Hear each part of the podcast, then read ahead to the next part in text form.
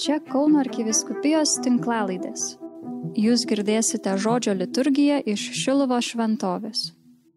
Iš pirmosios Samuelio knygos. Izraelitai išėjo kariauti su filistiečiais. Jie savo stovyklą įrengė prie Eben Esero, o filistiečiai stovėjo Afeke. Filistiečiai kautynių tvarka išsirikiavo prieš Izraelį. Kautynės buvo permainingos. Izraelis buvo filistiečių nugalėtas ir mūšio laukia krito iki 4000 Izraelio kariuomenės vyrų. Sugrįžus tautai stovyklon, Izraelio seniūnai tarėsi, kodėlgi viešpats leido filistiečiams šiandieną mus nugalėti. Parsineškime viešpatie sandoros skrynę iš šilo te viešpas ateina į mūsų tarpą ir išgelbė mus iš priešų rankų. Taigi tauta pasiuntė vyrų iš šilą ir jie pargabeno sandoro skrynę kareivijų viešpaties, kuris viešpatauja kerubinams.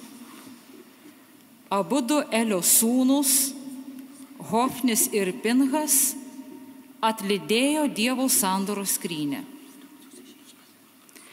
Kai viešpaties skrynė atkeliavo dabar į stovyklą, Izraelitai taip garsiai šaukė iš džiaugsmo, jog žemė dundėjo. Filistiečiai išgirdę didelį riksmą kalbėjo, kas ten per triukšmas Hebrajų stovykloje. Kada filistiečiai patyrė, jog viešpatie skrinė atkeliavo stovyklon, juos apėmė baimė. Jie sakė, pas juos į stovyklą atvyko jų Dievas, vargas mums, anksčiau niekada to nėra buvę.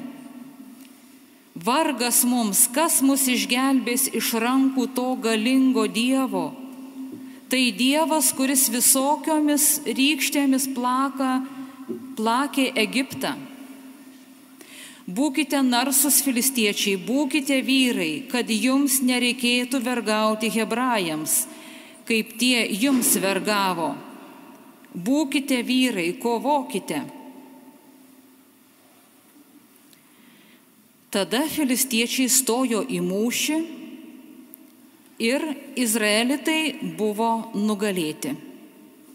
Visi išbėgiojo prie savo palapinių. Tai buvo baisus pralaimėjimas.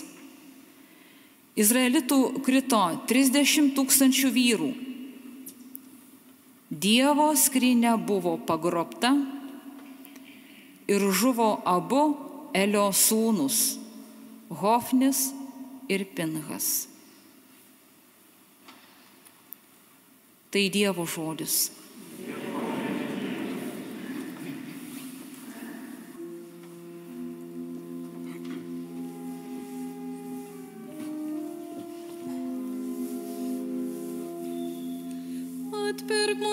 Mus viešpatė dėl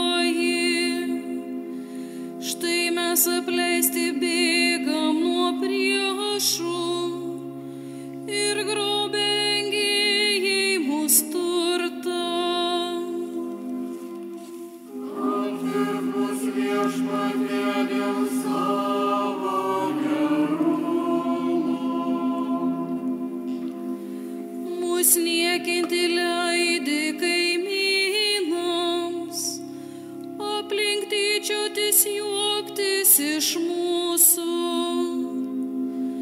Apie mus leidai pagonims pasaka.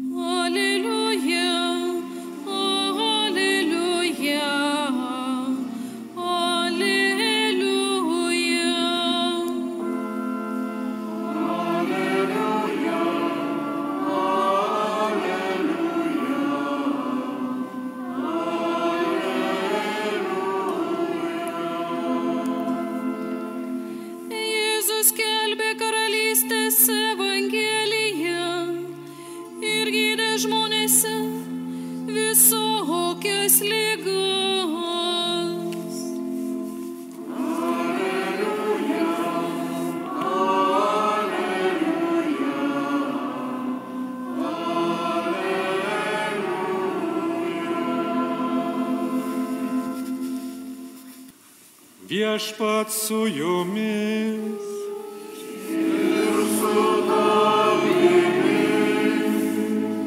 Pasiklausykite Šventojios Evangelijos pagal Morkų.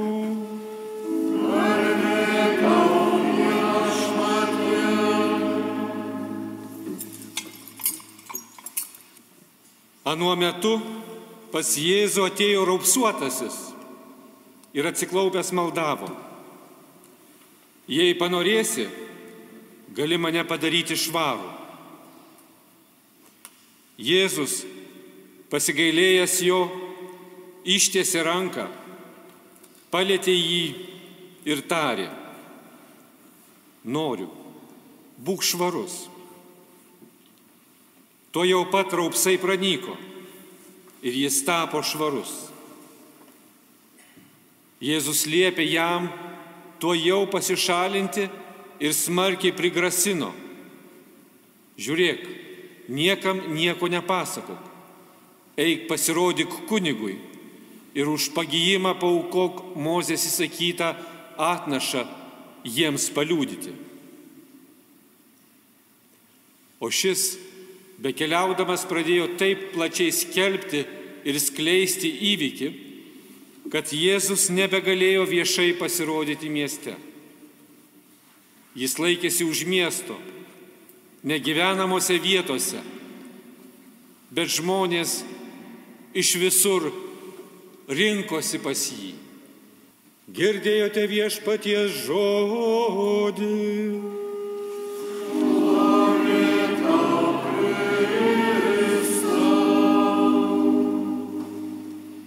Mėly broliai seserys, mėly Lietuvo žmonės, susirinkę melstį sausio 13-ąją čia Šilovoje, be abejo patikėm visus savo prašymus Dievui, žino Marijos artumas, kuris mums toks brangus.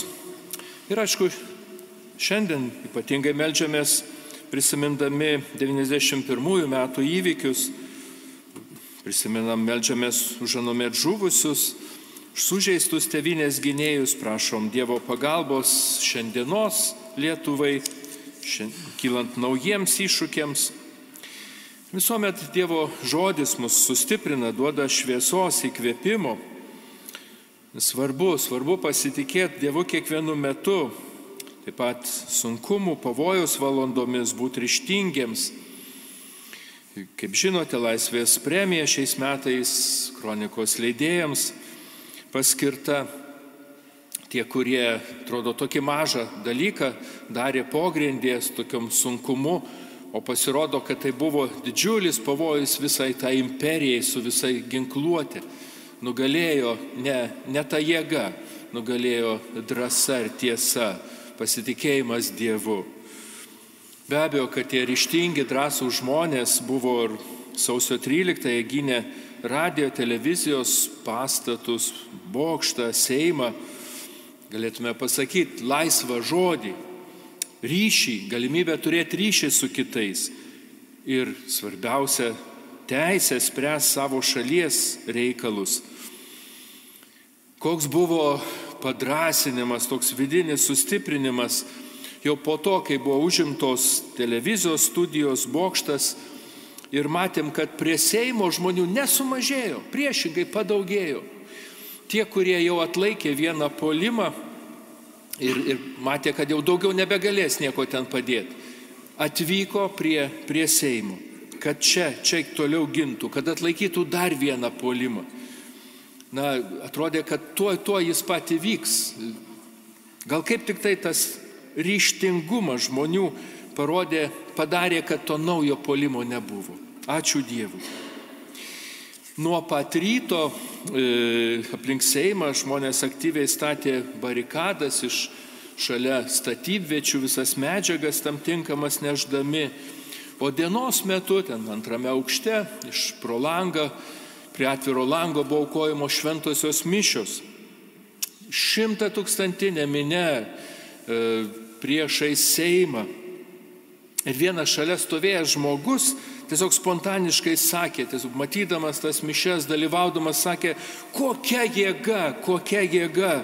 O kad mišos būtų iš visų keturių Seimo šonų tarsi norėdamas pasakyti, kad malda stipresnė, labiau gina už visas barikadas. Iš tiesų tokie momentai palieka tokiais raktiniais istorijos įvykiais, svarbus ne tik dalyviams, bet ir ateities kartoms. Na, atrodė, kad labai aišku, buvom ryštingi, pasitikėjom Dievu, tą maldą ir laimėjom. Ruoždamasis šiam pamokslui, be abejo, atsiverčiau mišių skaitinius ir nustebau. Nekartą teko įsitikinti, kad nebūna čia atsitiktinumų. Būtent tą dieną nuskambantys švento rašto skaitiniai kaip tik tiesiog pataiko, kad duoda tokią svarbę žinę, kuri, kuri yra reikšminga, kurios neturim pražiopsoti. Ir kokiegi tie skaitiniai? Pirmasis skaitinys iš Samuelio knygos pasakoja, kad vyko mūšis tarp filistinų ir izraelitų, žydų. Na ir šiek tiek na, pralaimėję, bet nesutriuškinti, žydai sako, kažką reikia daryti. Pasiemkim sandoros skrynę, atsineškim sandoros skrynę. Reikia, tuo metu tas supratimas tiesiog sandoros skrynė, tai kaip, tas pats kaip Dievas būtų čia jų tarpe. Ir štai jie pratrūko galingų džiaugsmų. Na ir atrodo, dabar jau viskas, viskas, nebėra šansų priešams, viskas bus laimėta, viskas bus gerai. Ir jie patys priešai išsigandė, sako, vargas mums. Kas įvyksta? Izraelitai patiria triuškinantį pralaimėjimą, daugybė žuvusių. Dar blogiau, kur kas blogiau už pralaimėjimą pati sandoros skrinė patenka priešams. Tai tas pats, kaip, kaip būtų, kad Dievas paliko tautą, nebėra Dievo su tauta, viskas. Jie tiesiog apgailėtinai sužlugdyti, nebėra jokios vilties. Kaip čia yra? Pasitikėjo Dievu ir buvo sutriuškinti, nugalėti, sunaikinti. Kodėl? Kodėl taip atsitiko? Nepasako šventasis raštas tiesiogiai, bet skaitydami, skaitydami galim suprasti. Na visų pirma, turbūt tas izraelitų santykis su Dievu buvo, galime, galėtume sakyti, toks tarsi magiškas, prietaringas. Siekė Dievo apsaugos, lyg jis būtų kažkokia automatiškai veikianti jėga. Ir kaip tik tai tas pralaimėjimas, tas pažeminimas perspėjo, mėlyjei, Dievas nėra įrankis, kurio galėtume pasinaudoti pagal savo norą. Labai panašiai ir vėliau pranašai kalbėjo.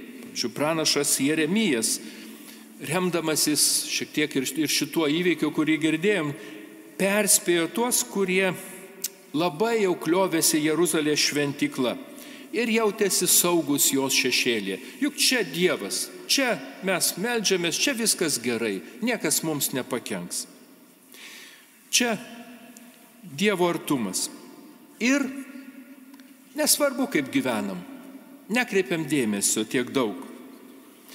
Deja, šventikla buvo sugriauta, tauta išvaryta į tremtį. Dar kartą priminimas. Verčia labai rimtai susimastyti. Pasitikim Dievu ir reikia pasitikėti. Tačiau jo negalim imti tarsi įkaitų. Na, tu viešpatie privalai padaryti, ko prašome. Mums reikia, mes panorėjome, na, tada dabar tu viešpatie jau daryk. Galbūt ir šiandien sąsaja ir keista girdėti. Sako, aš tikiu į Dievą ir man jisai padės, nors ir nieko nedarysiu. Nereikia man medicinos, nereikia to, kas nurodoma, juk aš katalikas, Dievas man padės. Tai lygiai toks pat netikėjimas, bet Dievo gundimas, kaip ir izraelitų, nešančių sandoros skrynę į mūšį, kuriame patirs vienas skaudžiausių pralaimėjimų. Antra, pasitikėjimas Dievu neatsiejamas nuo mūsų pačių gyvenimo ir elgesio. Jie apsiribosim išoriniais, kultūriniais papročiais, tradicijom, Tai nėra tikėjimas, kurio viešpats iš mūsų laukia. Tas tikras santykis su Dievu reikalauja sažiningumo, tikro vidinio atsivertimo. Kiekvienam iš mūsų. Negalim gyventi neištikimybei ir tikėtis stebuklingo Dievo įsikišimo iškilus pavojui.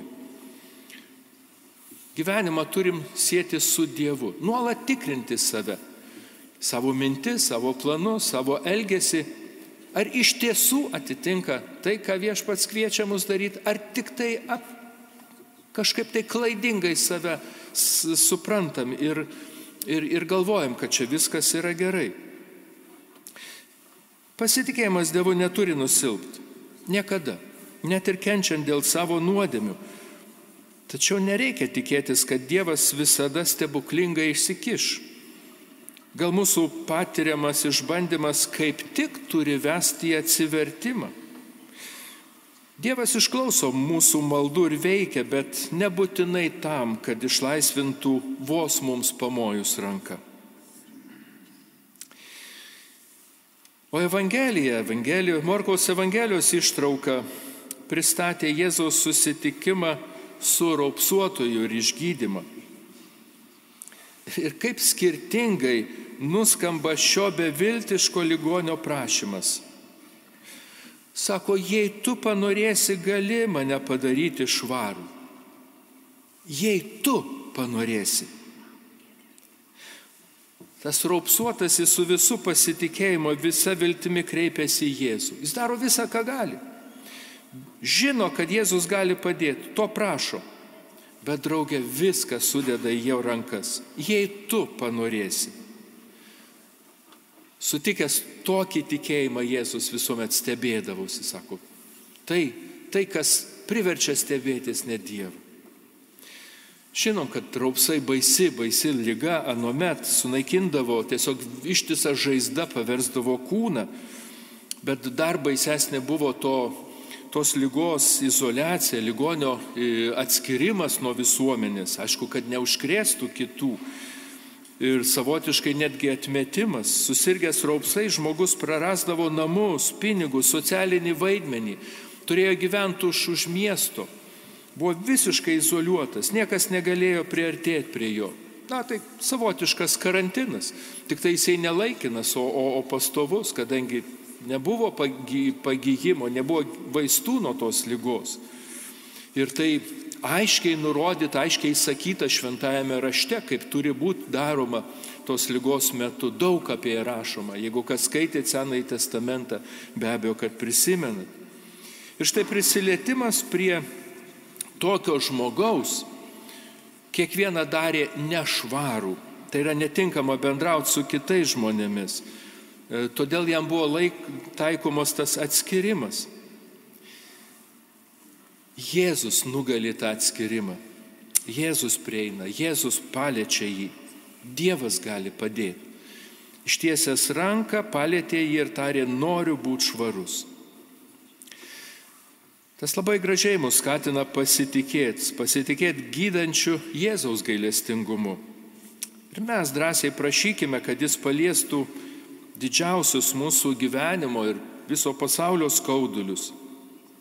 Net tai, kas paženklinta baimės, gėdos, gyvenimo naštos, nuovargio, netgi pykčio.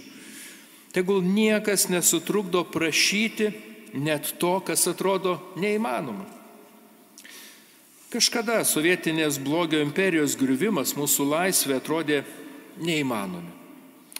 Meldėme Dievą, Dieve, jei nori, gali išlaisvinti. Tačiau ne visada buvo lengva patikėti, kad taip iš tikrųjų gali vykti.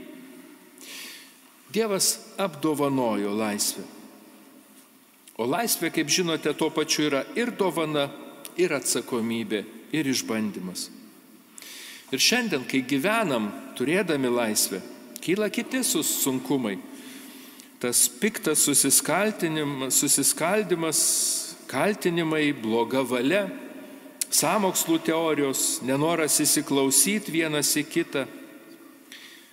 Melskime ir dabar viešpatie, jei nori, gali padaryti mus atvirus, nuoširdžiai bendraujančius, priimančius kitą pirmą žvelgiančius į kito gerovę, o ne į savo nuomonės ir norus.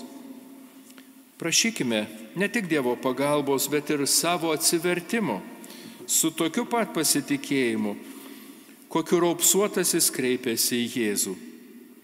Jis vienintelis gali padaryti įmanoma tai, kas mums patiems neįveikiama.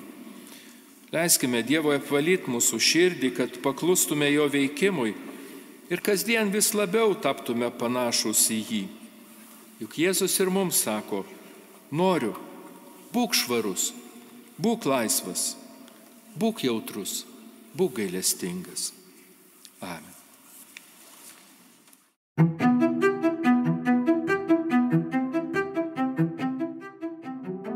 Jūs girdėjote žodžio liturgiją iš Šilovo šventovės. Čia Kauno arkiviskupijos tinklalaidės. Sekite mus ir prenumeruokite.